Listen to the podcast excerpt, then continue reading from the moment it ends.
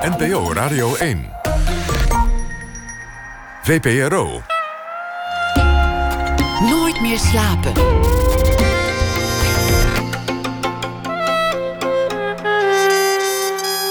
Met Pieter van der Wielen.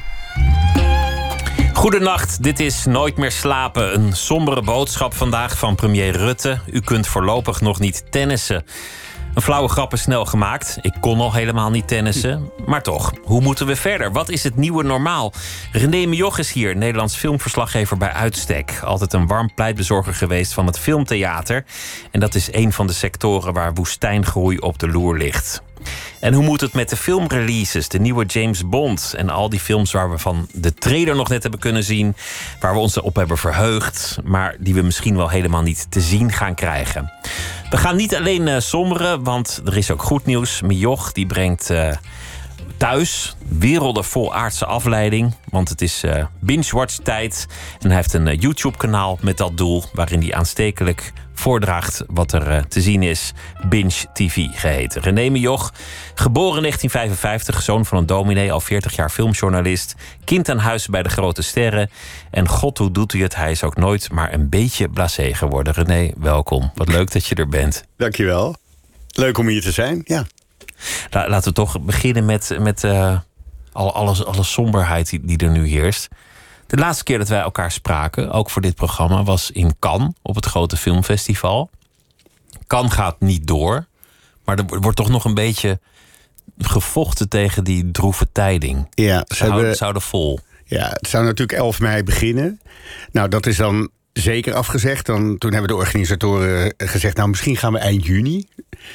Uh, maar dat gaat natuurlijk ook niet gebeuren. Ze willen, zo graag, ze willen het zo graag volhouden. Kan is een belangrijk festival voor de internationale filmwereld.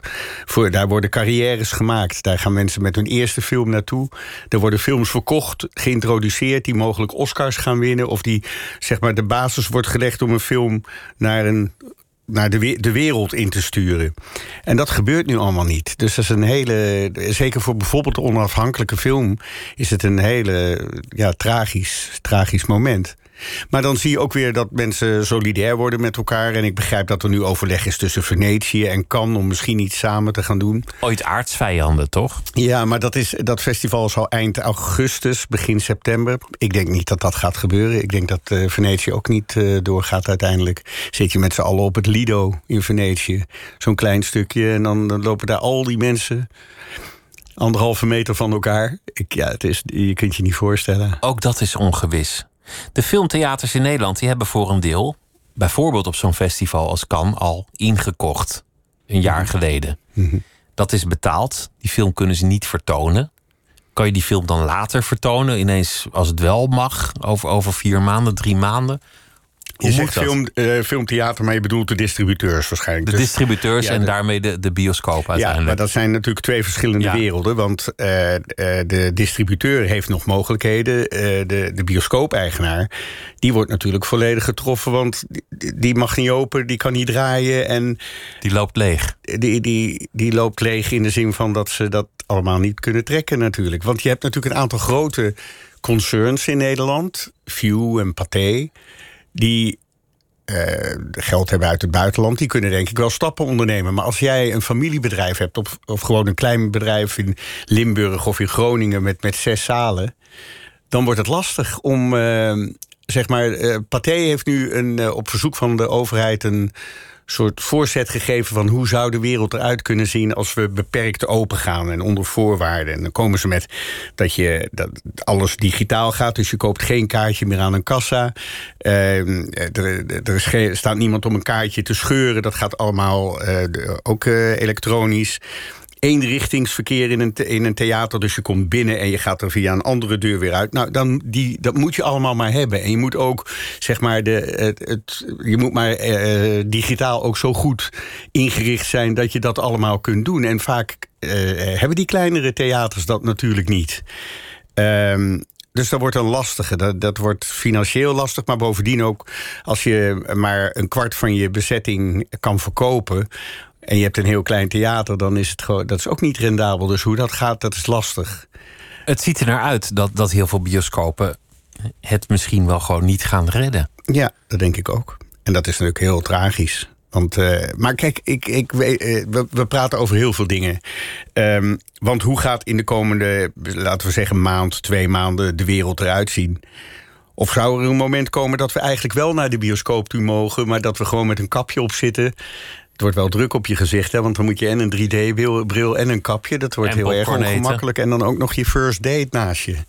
Dat lijkt mij toch een hele ingewikkelde situatie. Dat, dat leuke voor een deel van het zaterdagavond publiek aan film gaat er dan wel af, denk ik. Maar, het werd toch al niet zoenen dan waarschijnlijk? Nou ja, die blijft natuurlijk altijd hopen, kan ik me zo maar denken, bedenken. Maar goed, dus dat je. Maar misschien wordt het wel zo natuurlijk dat over een maand of over zes weken het uh, opzetten van een kapje genoeg is om even die twee uur die beleving te hebben met elkaar.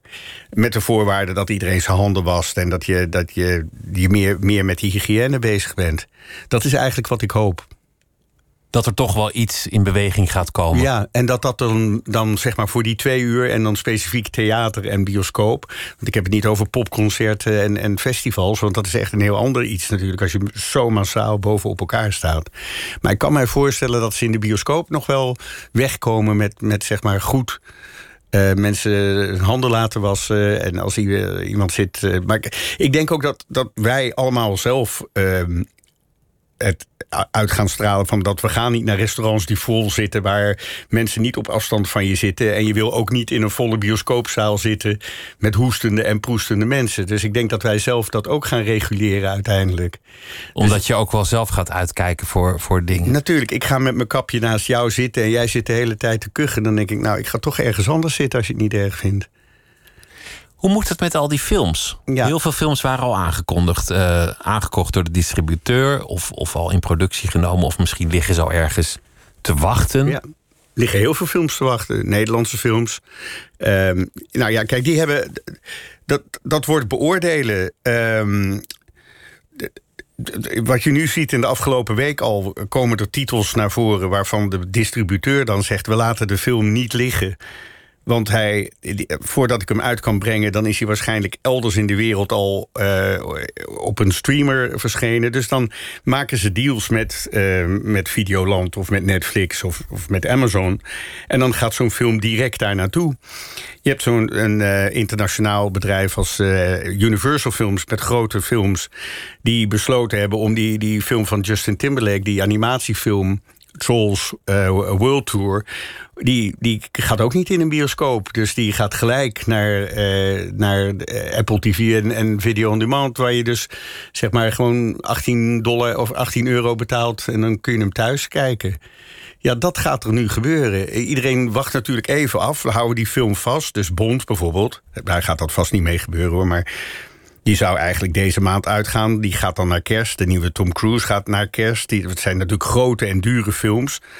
Maar ja, die hebben eigenlijk ook weer um, heel veel publiek nodig. Maar ook dat wordt weer interessant, want die wereld die gaat echt veranderen. In de zin van, we zijn nu gewend dat met, met die wereldwijde bioscoop-releases... Er soms wel een, een, miljard gemaakt wordt met een film. Hè? Dus dan, Disney doet dat heel goed met die Marvel-films. Een miljard, maar dat komt... En dit is zeg maar weer voor die bioscoop-eigenaar en, en distributeur slecht nieuws. Maar dat kon, uh, daar zit nu natuurlijk ook het aandeel in... wat soms 60% is van een bioscoop, eh, opbrengst. Maar je zou dus kunnen zeggen, als dat niet meer nodig is... omdat ze naar die uh, streamers toe gaan of on-demand uitbrengen... heb je die 60% uh, ehm, theaterhuur... en die distributeur die daar nog weer een partij een dingetje van pakt... heb je niet meer nodig. Dus dan zouden we in principe allemaal gewoon... die hele goede film voor misschien wel 4 of 6 euro kunnen zien... En dan brengt hij toch nog uh, eh, 500 miljoen euro wereldwijd op, zeg maar. Dus het wordt toch voorlopig thuiskijken, wat, wat al steeds meer de tendens was voor heel veel mensen. Ik zou nog een lans willen breken voor de ouderwetse Amerikaanse drive-in cinema, waar je dan met je auto zit. Ja. Nou ja, dat, is, dat is een initiatief wat op dit moment uh, speelt. Daar wordt met de gemeente overlegd, met gemeentes overlegd... om dat inderdaad weer terug te brengen. En dan misschien zelfs een combinatie te maken tussen film en theater en, en muziek. Zodat je, uh, je gaat een avond naar een hele grote parkeerplaats buiten de stad. Daar kunnen, eh, weet ik veel, uh, 500 auto's terecht. En dan heb je een totaalprogramma wat je gezellig in je auto... via je FM-frequentie of welke frequentie frequentie dan ook kunt, eh, het geluid kunt kijken. En dan krijg je ook film. Ja, het is wel leuk. Als dit lang genoeg duurt, komen dat soort initiatieven wel. Hoe bevalt het jou om, om nu thuis te kijken? Want jij bent altijd een man van het theater geweest, Mhm. van de bioscoop. Het grote doek. Ja, Maar nu, met je, met je nieuwe kanaal ook. ja. Beanstalks heet dat. Ja, die, eh, kijk, eh, ja, het is even wennen. Kijk, eh, dit is eh, een nieuwe situatie. Ik, ik ben altijd eh, degene geweest die ook wel zich, zich uitsprak van films moet je in de, in de bioscoop zien. En dat vind ik nog steeds. De beleving met elkaar in die bioscoop, dat is geweldig. Maar in de afgelopen, eh, nou ja, twee, drie jaar heb ik ook moeten toegeven dat, je niet, dat er nog heel veel moois te zien is... wat misschien niet eens in de bioscoop komt. En wat je dan gewoon thuis gaat zitten kijken. En dat kan ook. Ik vind wel dat ik word thuis wel afgeleid door allerlei andere dingen. En een, eh, je, je bent snel geneigd om eventjes eruit te gaan... of even toch op je telefoon te kijken. Terwijl als je in de bioscoop zit, duik je natuurlijk in die in, in, die, in die emotie en, en, en, en, de cultuur van een, of een verhaal van een regisseur op een andere manier dan dat je dat thuis beleeft. Vind ik. Want, want Once Upon a Time in the West met die hele mooie langzame openingsscène... waarin schier niks gebeurt, zou niet werken als je die voor streaming zou maken. Denk ik. Nou ja, ik, ik moet je Dan, eerlijk dan zeggen. zet je hem op pauze, ga je even een kopje thee zetten. Nou, ik vind dat eigenlijk niet waar wat je zegt. Nee? Nee, ehm, er zijn eh, films te noemen. eh, eh, nu kan ik even niet op de titel komen van vorig jaar, wat een grote zwart-wit film, wat een grote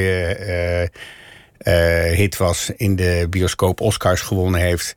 is een hele trage Je, je bedoelt die. Mexicaanse film over dat, over dat kindermeisje? Ja. Ach, wat was die mooi. Dat was prachtig, maar als je nou over een trage film met eh, langzame shots, eh, hoe heet het, eh, praat, waar je, waar je echt zeg maar geduld moet hebben om daar eh, in mee te gaan. Eh, Maar die was door Netflix eh, gemaakt, weet je wel. Dus die was gemaakt voor een streamer. Deed het geweldig in de bioscoop.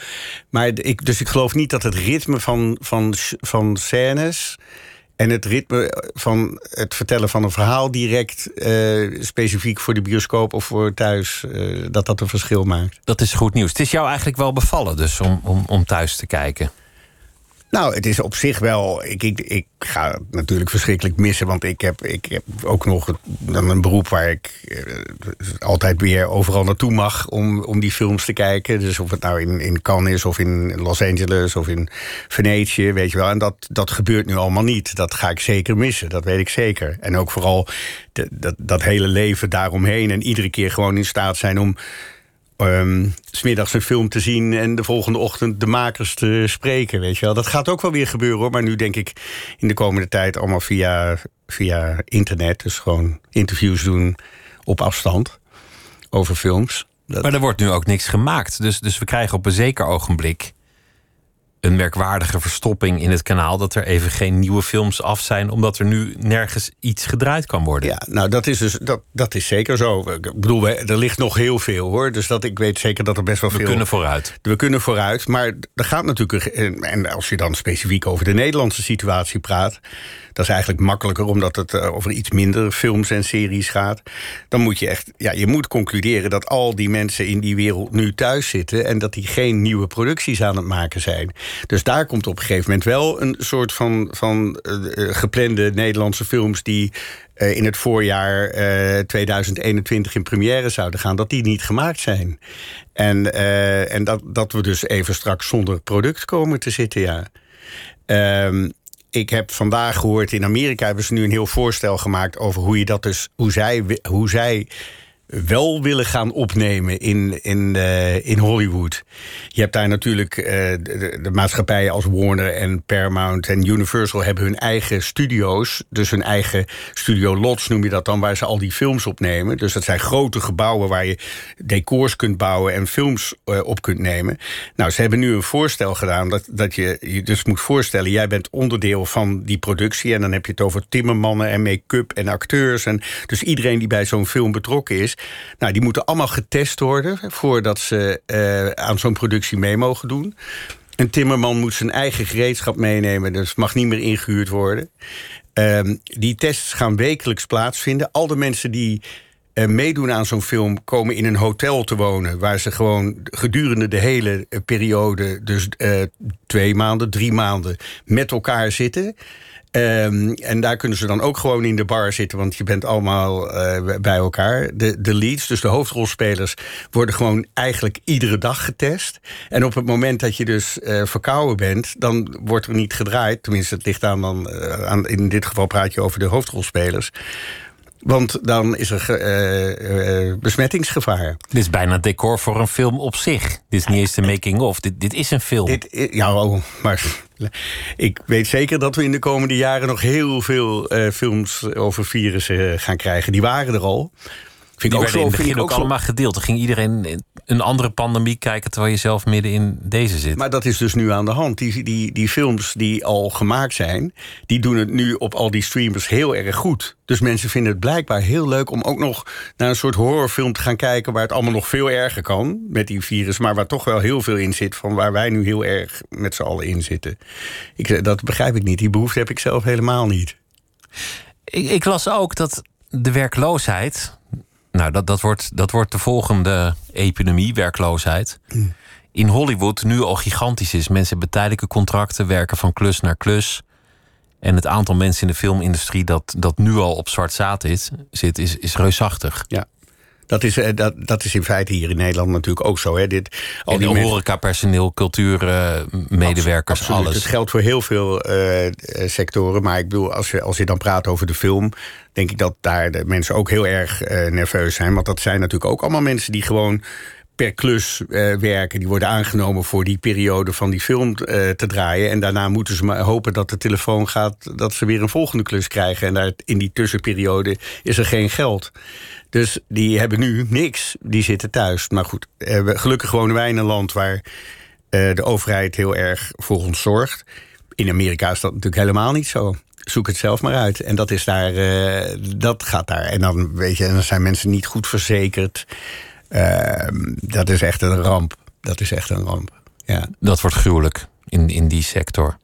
Er is, er is iets geks aan de hand met de sterren. Werd ook al gesignaleerd door de New York Times.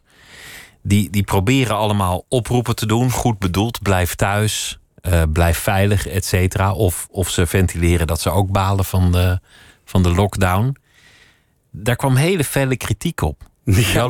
Dan zit je daar in een, in een zwembad met een reusachtig gazon. Het was het filmpje van J-Lo. Die, die eh, Jennifer Lopez die zat, eh, zat een beetje te klagen van... goh, ja, kan hij naar een restaurant? En Ja, je ja. zag die villa en dat zwembad en dat gazon. Arnold Schwarzenegger die, die zet iedere dag een filmpje over hoe, waar hij ons allemaal sterkte weer. Vanaf een met soort golfkarretje. Ja, maar hij rijdt in zijn auto naar, op zijn landgoed naar een plek waar hij dan twee ponies heeft. Die die, die die dan ook op een fiets achtervolgt. Die lopen door zijn huis. Maar ondertussen krijgen we te zien waar hij woont. En het is een waanzinnig landgoed. Ik bedoel, hartstikke mooi. En, maar hij geneert zich ook helemaal niet om in een jacuzzi te gaan zitten met een grote sigaar. En zegt: En jongens, stay safe. En weet je, want eh, we komen hier met z'n allen doorheen. En dan denk ik: Ja, ja kijk, eh, ja. Volgens mij is het toch net even iets makkelijker om in quarantaine te zitten in Huis ten Bos... dan, dan zeg maar op drie hoog achter in een eh, weet je, twee-kamer-appartement met z'n vieren. Ja, ik, vind, ik weet niet of je dat nou moet doen. Ik vond het wel interessant, omdat dat iedereen toch iets ermee wil. En, en dat de verhouding tussen het publiek en Hollywood... als je het hebt over de sterren... hier toch, toch een beetje scheef lijkt te lopen. Eh, ik denk dat het een bepaald soort ster is die, die dit zo op deze manier doet. Ik vraag me zelfs af of hij zich realiseert dat mensen. Ik, nu, nu wel hoor, nu iedereen erover schrijft. Maar in eerste instantie is dat natuurlijk gewoon zijn leven. En hij laat zien waar hij woont. En ja. In feite kan hij ook eh, misschien moeilijker naar de supermarkt als hij dat zelf al, deed. Maar eh, nee, er zijn heel veel eh, acteurs. Ik zie, de, ik zie bijvoorbeeld nu Leonardo DiCaprio en, eh, en, en eh, Robert De Niro. Die hebben nu een initiatief waarbij ze gaan zorgen dat er geld opgehaald wordt. Zodat er eh, voedsel naar, gewoon, gewoon naar de Amerikaan, dat er, dat er altijd eten voor iedereen is. En die hebben een soort challenge. En dan bieden ze dingen aan. Dus eh, eh, De Niro en Scorsese, eh, De Niro en DiCaprio zeggen nu van als jij bij ons op de filmset wil komen. En je mag ook naar de première donate. En dan hebben ze dus een site. En dan challengen ze weer. Dan zeggen ze dus van, wij roepen... en dan noemen ze twee namen. Matthew McConaughey op om dit nu ook te doen. En dan zie je een half uur later Matthew McConaughey op Facebook en Twitter. En die zegt, nou dan mag je met mij mee naar een baseballwedstrijd. En zo hopen ze gewoon miljoenen op te halen. En dat gaat ook lukken. Want dat is namelijk het mooie van Amerika vind ik dan dat natuurlijk die, die maatschappij... en, en zoals uh, Trump dan met al dat soort dingen omgaat... Zit, is die, die club van, van filmsterren en muzikanten... of misschien moet ik wel zeggen hele rijke mensen... die brengen weer heel veel geld terug naar uh, de maatschappij... En dat is ook logisch, want wat moet je nou toch met, met 500 miljoen of zo? Ik bedoel, ja. Dat zijn wel bedragen, ja. Ja, en ja, zijn ze nog niet eens de allerrijkste. Dus voor, voor een Wall Street miljonair. Jack, Jack, Nicholson noemt dat altijd after money. Hij zei, als hij dan weer een film gemaakt... dan zei hij, ja, ik doe dit is after money. Want dat betekent dat waarschijnlijk de kinderen van zijn kinderen... al niet meer hoeven te werken... omdat hij zoveel geld verdiend heeft. Laten we het hebben over binge talks, wat je, wat je nu uh, presenteert. Je, je, je prijst aan wat je allemaal vindt. Je vraagt ook anderen om dat te doen. Uh, bekende mensen, Barry Hay bijvoorbeeld. Hartstikke leuk. Die die zeggen wat zij online kijken. En iedereen is even geenthousiasmeerd. Veel documentaires viel me ook op. Die, die worden ineens heel populair. Ik heb, ik heb er niet heel veel kunnen kijken, want ik werd meteen meegezogen in een van de tips die ik kreeg. En dan, dan klik je aan de volgende en dan, ja, dan, dan vliegt je tijd voorbij. Zo aanstekelijk is het allemaal. Ja, ja wat, wat je ziet is dat uh, wij gewend zijn, tenminste dat was heel erg mijn ervaring, dat als ik ergens kom, bij wijze van spreken, wij zijn nu met elkaar in gesprek en dan, heb je, dan zeg jij tegen mij, heb je die en die serie nog bekeken? En dan heb ik het gevoel dat ik bijna alles zit te kijken en juist die jij dan weer gezien hebt, heb ik natuurlijk niet gezien. En de, het aanbod is zo groot met al die streamers, dat ik dacht van ja, nu zitten we allemaal thuis en we hebben allemaal tijd om te kijken laat ik daar dan uh, in eerste instantie zelf dat wat ik zie en waar ik enthousiast over ben doorgeven. Maar hopelijk doen anderen dat ook, zodat we toch dat contact blijven houden van uh, heb je dit wel gezien? Of weet je, dit, ik hoor nooit iemand over die serie praten, maar die moet je echt even kijken hoor, weet je wel. Nou, dat, dat zijn leuke dingen. En uh, ik hoop uiteindelijk dat het gewoon ook de, het publiek tips gaat geven. En om dat te stimuleren zit er iedere keer een bekende Nederlander in... die dit, dat doet vanuit verschillende disciplines. Zo uh, kunnen we toch iets heel positiefs uithalen. Als je, zolang je gezond bent en, uh, je, je internet doet het... kan je die coronacrisis goed benutten uiteindelijk. Dat is zeker zo. Ja, zo heb ik het eigenlijk altijd ervaren. Uh, sinds uh, de VHS en de DVD en de video's, weet je wel. Ik, uh, ik, ik zei altijd van ja, maar dat zie ik als ik een keer ziek word. Dan ga ik dat, die, dat bekijken, al die dingen inhalen, weet je wel. En gelukkig afkloppen ben ik niet zo vaak ziek. Maar het is natuurlijk heerlijk als je thuis bent en geen kant uit kan om dan films te gaan kijken en series. We gaan luisteren naar muziek die je hebt meegebracht. En wat, anders zou het kunnen zijn dan Ennio Morricone, de koning van de filmmuziek. Ik was benieuwd wat jij weer uitgezocht had uit wat ik had meegebracht. Dus, maar, dus dat weet ik ook. Oh ja. En, dat, en je, hebt niet, je hebt niet het allerbekendste meegenomen, maar, maar wel echt een prachtig stuk. On Earth as It Is in Heaven. En dat hoorde bij een jaren tachtig film, toch? The, Mission, ja. The Mission. Ik kan me die film helemaal niet herinneren. Nee, Robert De Niro, Jeremy Irons. Uh, tropisch regenwoud ik heb die film in Cannes gezien. Daardoor kwam hij, toen ik die muziek weer... Ik vond die muziek zo prachtig. Maar eh, dat, ik, heb die, ik herinner me ook dat ik in die bioscoop zat in Cannes... in die grote bioscoop. En dat dat geluid van dat regenwoud en, en, de, en die muziek van Morricone... zo ongelofelijke rol speelde in, die, in het eh, ondersteunen van het verhaal... van die, van die mission, de, missie, missiepost. En... dat, dat stuk wat je nu gaat horen, het is, het is een beetje eh, klassiek. Het is, het is heel erg Morricone, dus het is bijna een mis met een groot koor en een groot orkest.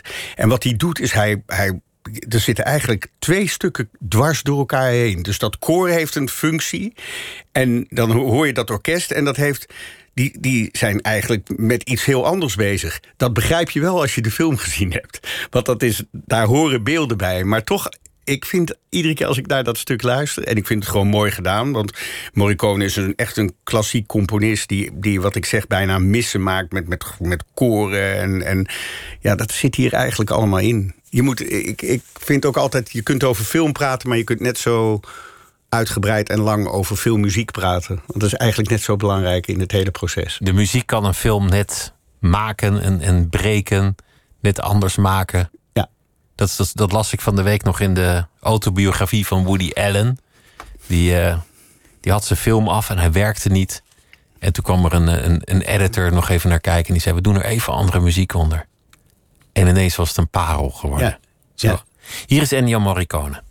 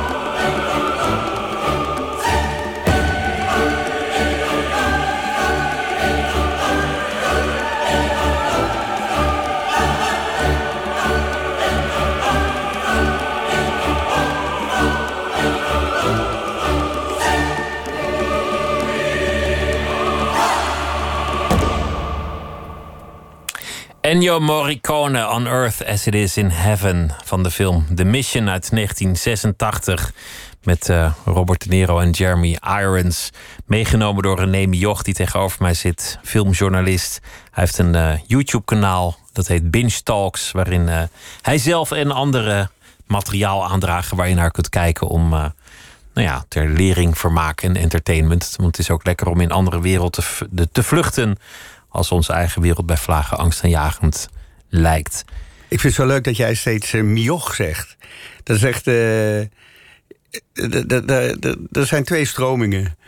Wat zeg je zelf eigenlijk? Mioch. Mioch. Ja, maar het is, het is Frans, hè? Mioche. Dus eigenlijk zeg jij het goed. Maar ik moet er altijd om lachen als mensen het zeggen. Mioch, Mioch, René Mioch. Mioch. Ja, dus moet ik om lachen. Dus nu keer jij. Maar grappig. Als we, als we het hebben over, over Robert De Niro en, en eh, Jeremy Irons en, en dat soort mensen, dan, dan heb jij die wa- hoogstwaarschijnlijk allemaal wel een keer gesproken. Zeker, ja. Of meerdere keren wel. Ja, De Niro heb ik echt heel vaak gesproken. Nou ja, eigenlijk Jeremy Irons ook wel, ja. Maar De Niro heel vaak, ja. Du- dus jij, jij, ik kan bijna niemand noemen van enig formaat die al een tijdje meeloopt, die jij waarschijnlijk niet hebt geïnterviewd inmiddels. Nee, dat is zo. Dat is zo, ja. Maar kijk, eh, er is er één die nooit tv doet en dat is Jack Nicholson. Dus die heb, ik, die heb ik wel regelmatig gesproken... maar die heb ik nooit voor televisie kunnen interviewen... omdat hij geen televisieinterviews doet. Vindt hij slecht voor het acteur zijn, zeg maar. Dus hij, hij vindt... eh, eh, als hij op televisie als zichzelf komt en gaat praten... dan houden mensen dat beeld vast... eh, bij de volgende rol die ze van hem Oh, gaan dat, zien. dat is een hele puristische visie. hè. Ze moeten hem zien als personage. Ja, dus hij doet wel persconferenties en dan zegt hij, maar dat is een act. Dat is bijna stand-up comedian, doet hij dan. En dat is namelijk ook zo, want hij geeft hele leuke persconferenties. Maar hij zegt van, als mensen naar de televisie kijken... in programma's zoals ik die dan maak... en ik, hij zit daar als zichzelf en ze denken, jee, wat een lul zeg. Dan vinden ze hem toch bij zijn volgende rol... in eerste instantie ook die lul die ze dan gezien hebben. Zo, zo, zo denkt hij. Maar je hebt hem wel gesproken, want als de anekdote goed is, dan heb je hem zelfs gesproken toen je nog werkte voor de ziekenhuistelevisie. Nee, radio was het. Ziekenhuisradio. Ja, ja, ik, eh, ja, nee. Dat is- dat- radio dat Lucas in Amsterdam. Dat maakt de anekdote alleen maar leuker dat het ziekenhuisradio was. Ja. Nou ja, toen, met de allereerste keer dat ik naar Cannes ging, was ik 18. En eh, toen ging ik mee met een bioscoop-eigenaar eh, van de movies in Amsterdam. En die, hij, dus hij wist dat ik heel erg van film hield. en hij zei, wij eh, met zijn vrouw, wij gaan naar, naar, naar Cannes met de auto... en we hebben daar een appartement en dan kun je daar slapen... en kun je dat eens zien. Nou, vond ik hartstikke leuk. Dus ik nam de bandrecorder mee van de ziekenomroep... En ik heb me daar eh, even rondgekeken hoe dat daar allemaal werkt. En toen heb ik me gewoon voorgesteld als Dutch Radio. Want er was verder geen Dutch Radio. En eh, tot mijn verbazing kon ik overal bij zijn, bij persconferenties. Maar Jack Nicholson, dat was, dit was nog in de tijd dat Jack Nicholson gewoon over de boulevard in Cannes liep. En dat je hem tegenkwam. En dat ik vrij, mag ik je even interviewen voor eh, Dutch Radio? En hij ging zitten op het op het randje van de, de, bij de strandtent. eh, en daar heb ik tien minuten met hem eh, gesproken. En eh, ik, ik heb me toen verbaasd, want toen dacht ik ook... oh, wat makkelijk eigenlijk, joh, als je hier dan... eh, als je zo makkelijk die interviews kunt maken allemaal. Dat is niet meer. Dat is, dat is flink ingewikkelder geworden. Veel ingewikkelder. Ja, maar kijk, dit is ook ingewikkelder de wo- eh, geworden... omdat er nu zoveel mensen zijn die een... eh, iedereen is ondertussen zijn eigen zender geworden. Weet je wel? Dus dat, de, de hoeveelheid bloggers en vloggers en marketing en nadenken over doelgroepen en wie bereik jij nou precies. En dan die, die mensen die gaan gewoon, die geven de filmmaatschappijen nu een paar uur en dan gaan ze zitten en dan zien we wel wie er eh, op, op hun afkomt. Dat gaat trouwens gaat ook wel weer eens veranderen hoor. Maar we praten over als alles weer normaal is. Want ik hoorde van Tom Hanks dat die, die moest dan ook eh, voor een film een hele ochtend vloggers en bloggers interviewen. En hij zei, ja, die mensen die komen... en ze hebben echt geen idee wat ik allemaal gedaan heb. Maar ze praten met me en ze doen geïnteresseerd... maar ze willen die ene foto na afloop. Zodat Van, ze die... zijn corona, dat, hij- dat hij weer beter Nou is, ja, bedoel je, of niet? Nee, nee, nee, maar gewoon niet algemeen. Even los dat van zij de- samen met hem op de, op de foto want staan. dat willen ze. Die, die scoort natuurlijk op hun, eh, op hun site. Of wat ze daar waar ze het dan neerzetten.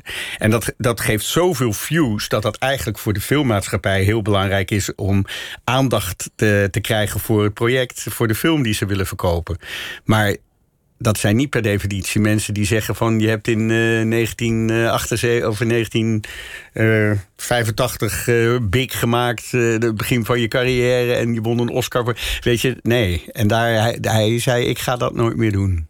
Met, met die snotneuzen praten die niet weten waar het over gaat. En want er Ja. zitten ook hele goede tussen die wel geïnteresseerd zijn. En, eh, ja. Maar het zegt ook wel iets over jou dat jij als 18-jarige daar naartoe gaat. Mhm. Voor Dutch Radio, ook al is het de ziekenhuisradio. En dat het je lukt om al die mensen te spreken te krijgen.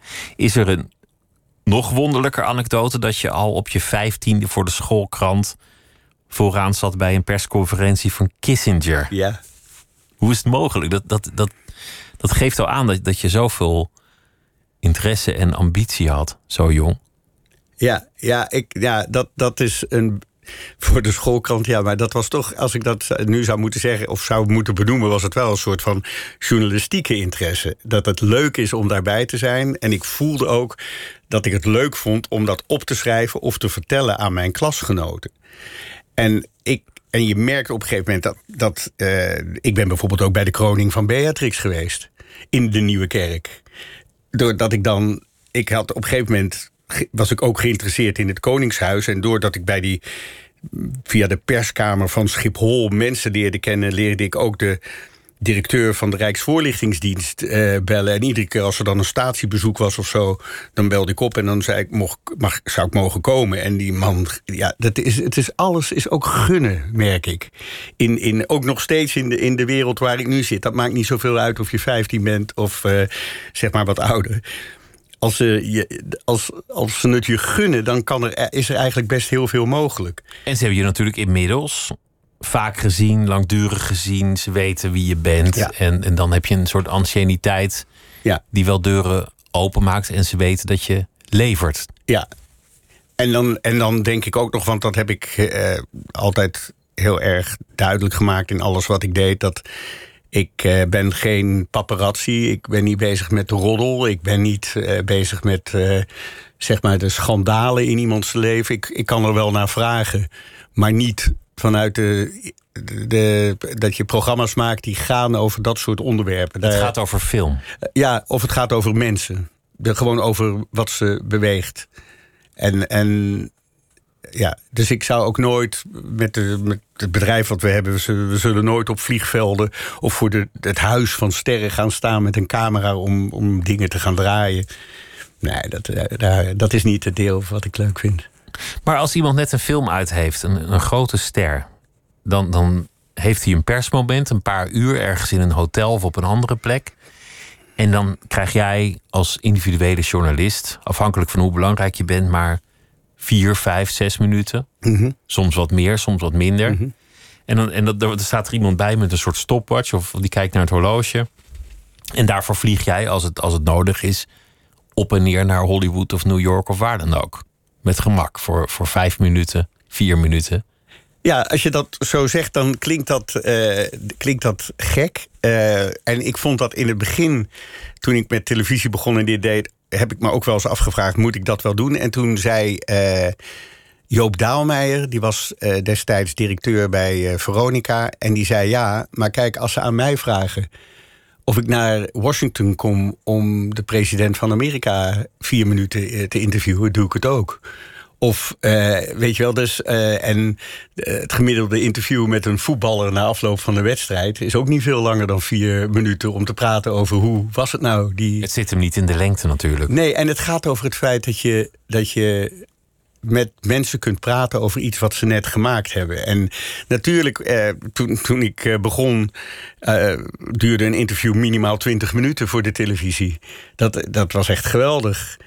En eh, dat is nu zeker niet meer zo. Nee. Aan de andere kant, weet je, voor mij is het helemaal niet, eh, niet erg. Ik, eh, ik, doe, ik begin een interview alsof het vorige interview nog niet afgelopen was. Weet je wel, dus ik, ik, ga, ik heb geen intro's meer om een gesprek op gang te. Want het gaat gewoon gelijk weer over. We gaan door waar we de vorige keer gebleven zijn. En dat is een groot voordeel. Dan is het meteen al losser. Maar je bent het ook altijd leuk blijven vinden. Die films interesseren je nog. Je kijkt nog steeds uit naar elke nieuwe film die je gaat zien. En dat zijn er veel. Je kijkt ook uit nog naar die interviews? Ik kijk zelfs, ik heb een periode gehad dat ik die rode lopers niet meer zo leuk vond. En dan heb ik dat een paar jaar niet gedaan. En dat vind ik nu ook weer, eh, vindt ook iedereen gek dat je dat leuk vindt om er tussen al die mensen eh, op zo'n rode loper te gaan staan. Maar ik vind dat echt heel leuk. Ik vind dat echt heel leuk. Om dan van die niks aan de hand gesprekjes, maar toch over. Want, want heel vaak heb ik dan de film nog niet gezien. Maar dan met die mensen die enthousiast, die komen naar zo'n première en die willen die gaan voor het eerst hun film laten zien aan het publiek. Dat vind ik altijd hele leuke momenten. De filmjournalistiek in Nederland, toen, toen jij begon, was, was eigenlijk voor het grootste deel wel iets anders dan, dan wat jij deed. Zeker. Eh, onlangs werd gememoreerd uh, Peter van Buren van de Volkskrant, die is overleden. Dat, dat was een beetje het, het archetype van de Nederlandse filmjournalist. Ja. Vond dingen al snel te commercieel.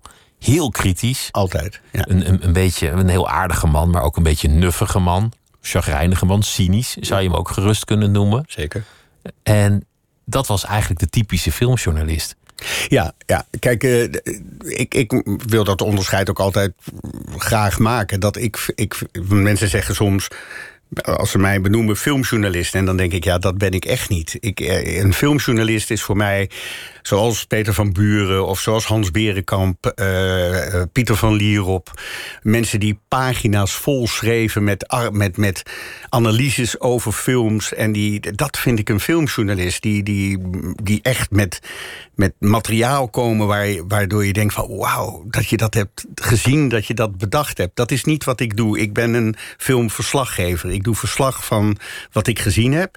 En ik vraag die mensen naar wat ik graag wil weten van hen. Weet je wel? Dus, en dat is wel gerelateerd aan de film. Maar dat is niet zeg maar, op de filmjournalistieke manier zoals mensen die schrijven dat kunnen doen.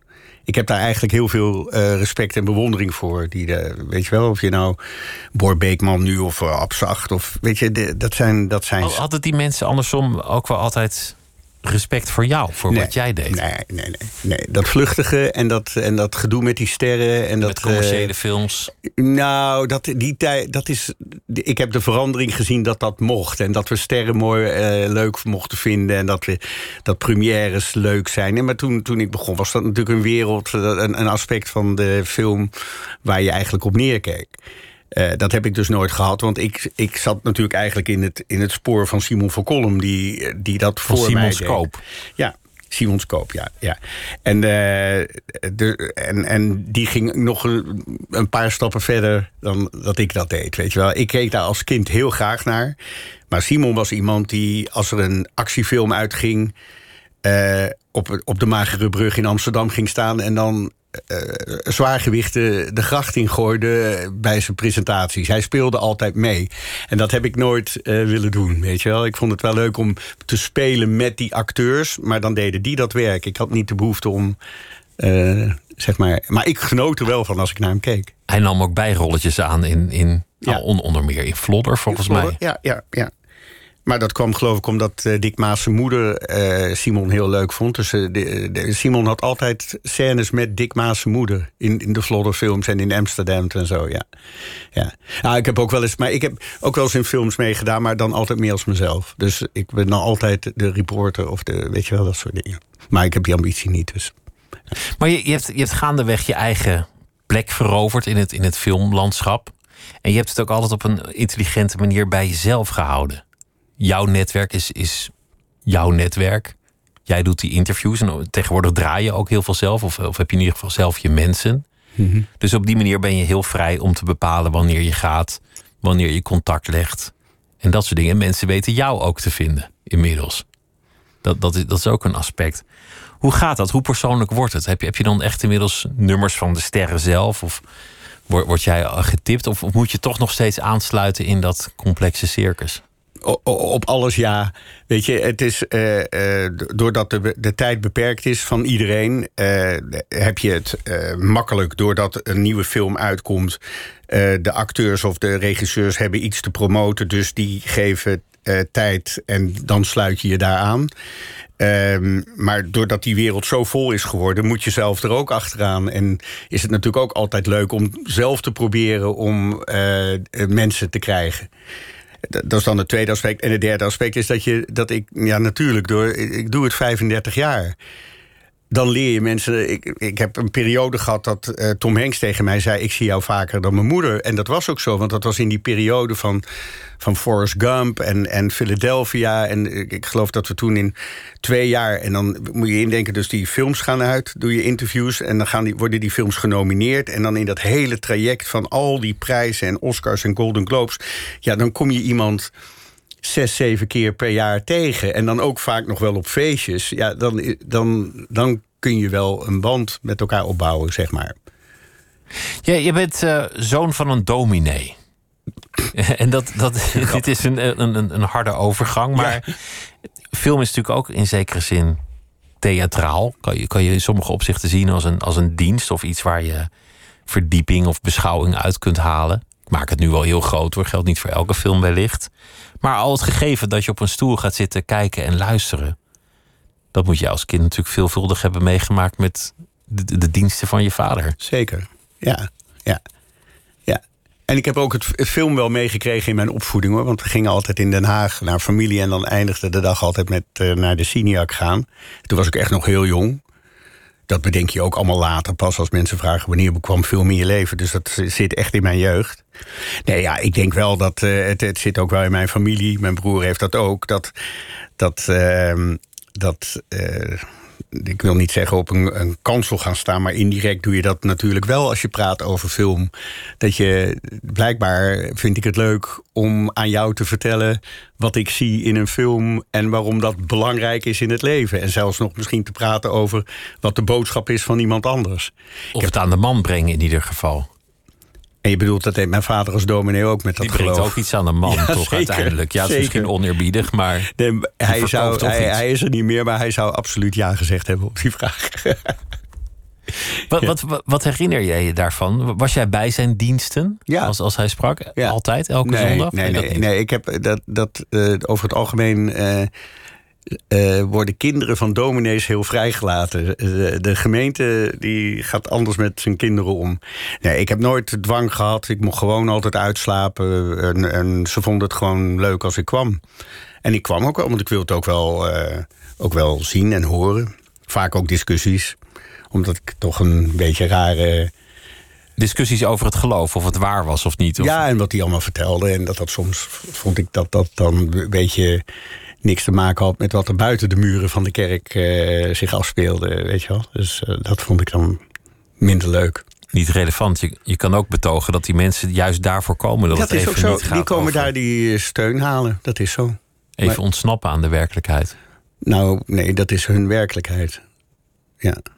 Maar mijn vader was een dominee, was een apart. eh, de, die, die is ook pas op latere leeftijd eh, dominee geworden. En hij was ook een man die eh, in principe eh, niet eh, geloofde in eh, de hemel. En, en in een leven na de dood, zeg maar.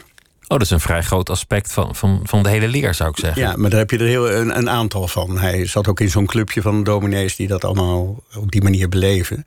Die vinden dat zeg maar het goede doe je nu op aarde. En daar moet je elkaar in ondersteunen. En dat doe je dan misschien vanuit eh, de boodschappen die eh, ergens in het, in het grote verzonnen boek, wat dan de Bijbel heet, eh, daar haal je de inspiratie uit.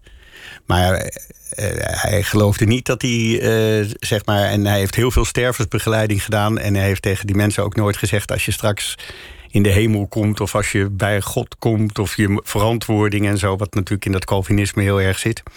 Nee, daar, dat heeft hij nooit zo betoogd. Lijkt me nou net het meest aantrekkelijke deel van een religie. Dat, Ik, dat er nog eh, een toegift ik- is. Een Ja, nazit, een afterparty. Jij komt daar waarschijnlijk niet eh, vandaan uit die hoek. Nee, Nee, dat is niet het aantrekkelijke deel van die religie. want daar zit ook de straf en het oordeel. Ja, ja, precies. Ja, ja. Je had dan waarschijnlijk ook status in het, in het dorp. Of jullie familie had, een, had waarschijnlijk een zeker aanzien. Nou ja, dat is. eh, Kijk, de dominee, ja. ja.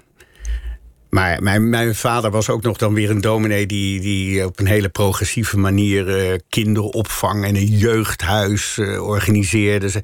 En hij organiseerde concerten bij kaarslicht, omdat hij dan hoopte dat al die mensen. eh, in ieder geval de, de drempel over naar de kerk vonden. En dan misschien op een ander moment ook nog eens naar de kerk zouden gaan, weet je wel. Zo, dat, dat ja, vond ik wel mooi. Werd er meer op jou gelet? Mo- Moest jij je beter gedragen dan de anderen in het dorp? Was de sociale controle voor jou groter? Nou ja, dat voel je wel. Maar ik heb daar gelukkig zelf nooit last van gehad. En dat is eigenlijk, dus, eigenlijk wel een beetje raar. Ik heb er- nu, jij vraagt dat nou, want je relateert dat aan dat dorp. En ik, mijn vader was dus eigenlijk eh, eh, dominee. Toen was ik best wel al ouder. Ehm, maar eigenlijk is dat niet zoveel verschillend in die periode. dan dat als je op de televisie komt, zeg maar. Want dan gaat iedereen ook weer op je letten. Dus dan ja, kan, je, heb, kan je ook niet raar doen op straat. Nee, nou, dus ofwel. Gewoon wel. Gewoon doen waar je zin in hebt. Ja. Dan laat mensen maar op je letten. Ja. maar je bent je er wel van bewust. Maar dat was inderdaad in dat dorp ook wel zo. Maar dat, dat, uh, nee, dat, dat heeft nooit een negatieve invloed gehad. Is het Calvinisme ooit helemaal uit je weggegaan? Dat kan niet. Dat gaat niet? Nee, dat gaat niet. Dat, uh, terwijl ik, en ik ben dan echt nog tamelijk vrijzinnig opgevoed. Maar dat, uiteindelijk zit dat uh, verantwoordelijkheid en, uh, en. Arbeidsethos. Ja. Ja, dat, zit, dat krijg je gewoon mee. En dat, maar ik, ik weet ook niet of ik me daar erg tegen verzet heb eigenlijk. Ik heb het wel bij periodes als heel negatief ervaren. In de zin van dat ik dacht van hm, waarom? Dat is echt uh, zoals je ouders dan deden. Maar uiteindelijk uh, zat daar niet zoveel negatief aan, moet ik zeggen. Want je doet werk wat je leuk vindt. Dus, dus als heel veel over werk gaat, dan, dan is het ook niet echt per definitie een ramp. Nee, nee, precies. Ja, dat is zo. Maar in, in de, de echt hele drukke jaren, toen, toen, je, toen je ook misschien nog niet helemaal het goed kon organiseren, dan, dan, dan moet je volgens mij wel eens drie, vier vluchten over de oceaan per week gemaakt hebben. Ik weet niet of ik het nu overdrijf. Nou, maar... dat is overdreven. Maar dat ik om de week naar L.A. ging. En zeker in het begin, toen ik, toen ik, uh, uh, ik werkte bij Veronica. En uh, Rob Oud was daar de directeur. En die, uh, die heeft ontzettend gestimuleerd dat dat filmprogramma er zou komen. Die vond ook dat ik, bij wijze van spreken... ik ging op vrijdagmiddag naar een borrel in New York... omdat in dit geval dan weer Robert, Robert De Niro daar een borrel gaf voor zijn film. Die mensen dachten ook allemaal dat ik in, in Amerika woonde. Want ik was altijd overal. Maar ik, ik, ik ging ook voor weekenden naar Amerika. En ik, uh, ik heb zelfs één keer dat ik gewoon... Uh, in de middag aankwam, s ochtends het interview deed en in de middag weer terugging. Ja, dat gebeurde. Omdat ik ook alles deed bij het programma, zeg maar. We maakten, we maakten het wel. Dan moest je weer op tijd terug zijn in, in de, de redactieruimte of de montage. Ja. ja. ja. Dan, dan, ben je, dan ben je echt door de shredder gehaald als je, als je ja, terugkomt. Ja, maar ja, ik vond, ja, toen was ik natuurlijk. Uh, 4, 25 toen ik begon met het uh, tv-programma natuurlijk. Dus heb je toch ook alle energie. Ja. Ben, je, ben je films altijd even leuk blijven vinden? Is Ja. dat enthousiasme er nog steeds? Ja. Het licht gaat uit, de voorstukjes beginnen? Of, of Nou, dat, hangt- dat is ook zoiets. Ik ja. ben altijd blij. Bijvoorbeeld in Amerika ga ik naar gewone voorstellingen. En dan verheug ik me op de trailers. Want hier zijn het allemaal, allemaal persviewings natuurlijk. Ja, dus om half elf op maandagochtend, weet je wel. En dat, dat is soms een hele leuke komedie en soms een droef, droef drama. Maar eh, nee, ik, ja, dat, daar moet ik zelf eigenlijk, verbaas ik me soms ook wel. Want ik heb dat nu ook als ik thuis kijk. Van ik verheug me echt om die film aan te zetten. En dan te kijken van wat gaat er gebeuren. Ik zet ook zelden een film af. Of, of ik loop nooit uit een, uit een film. Ja, tijdens festivals, omdat je dan weer naar interviews moet, kun je soms een film niet afkijken. Maar het, het, is, het is voor mij ook. ehm, ik vergelijk het bijna met zoals mensen van boeken houden. Want je, je, duikt in die wereld en het is zo rijk om ervan te leren wat mensen willen vertellen over cultuur of over relaties of over politiek of over, eh, over gewoon ehm, eh, science fiction, waar ik geen grote fan van ben, maar of fantasy, weet je. Er zit altijd zoveel in een film. En om daarnaar op zoek te gaan en, en om te kunnen zeggen dat dat je beroep is, daar ben ik eigenlijk iedere dag nog gewoon verrast, zeg maar. Maar je zegt, ik hou niet zo van fantasy, ook niet heel erg van science fiction, Mm. bij mijn weten. Het gaat, het gaat je toch uiteindelijk om de mens. Ja. Dat vind ik het leukst. Het, is, het is voor jou toch een, een empathisch beroep uiteindelijk, Ja. wat Ja. je doet. En dat interview is natuurlijk ook bij uitstek empathisch. Ja. Of, of in ieder geval sociaal. Mhm. Du- dus jouw, jouw voornaamste interesse is uiteindelijk kijken naar andere mensen, wat ze beweegt, wat ze bezighoudt, hun motieven, dat, Dat- soort dingen. Ik denk dat je zegt precies de dingen die ik leuk vind. En als ik zeg maar een interview voorbereid, met wie dat dan ook is, gaat het over dat soort dingen. Dat je je afvraagt waarom iemand dat nu doet, of waarom hij iets niet doet, of waar. Dat vind ik eigenlijk leuk. Dat vind ik leuk. En dat kun je heel vaak relateren aan, het, aan de film die ze gemaakt hebben. Want die vragen die komen ook voort uit de keuzes die, die die acteurs of regisseurs maken voor een bepaalde film. En daar zit echt wel heel veel, eh, daar zijn heel veel aanknopingspunten om over te praten. Het viel, het viel mij op, ik, ik liep vorig jaar in Cannes, was daar voor het eerst. beetje verloren. En, en wist, wist bij God niet wat me daar te doen stond. En onder journalisten kan wel eens een beetje iets ontstaan van wat moet jij hier nou weer? Of wat kom jij doen? Of, of dat, dat er toch een soort concurrentie kan bestaan tussen mensen. En, en jij was zo hartelijk dat, dat je gewoon zei: Nou, hey, kom even mee. Dan laat ik je zien waar je moet zijn en hoe het hier werkt en hoe het in elkaar steekt. Wat, wat heel gul was, wat ik ontzettend sympathiek vond.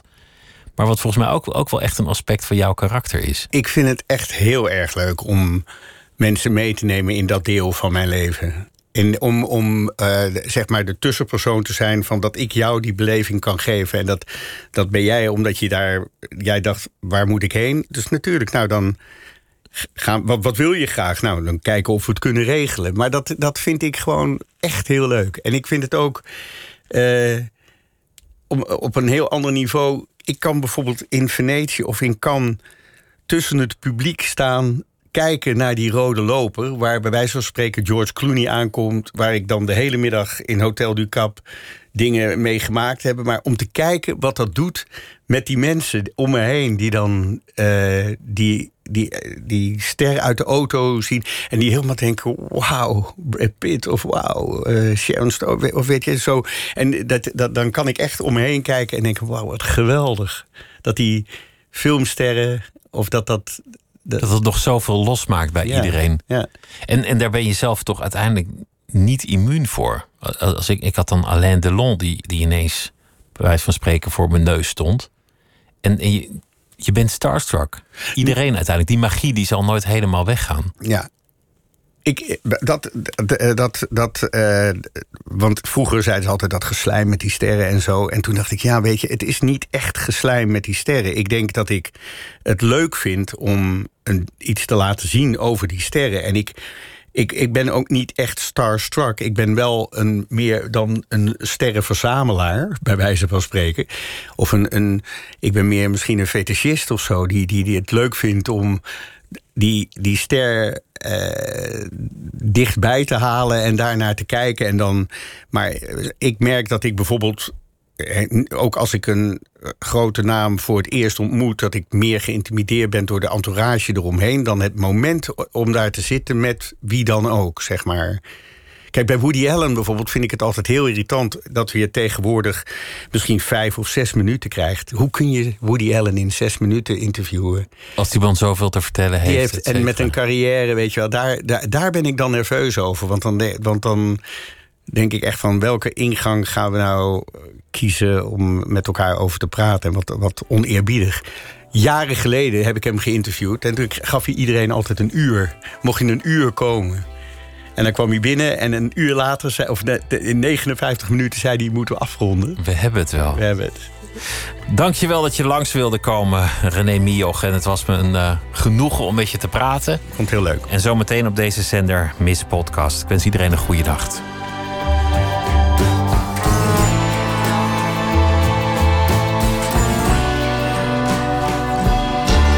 Op Radio 1, het nieuws van alle kanten.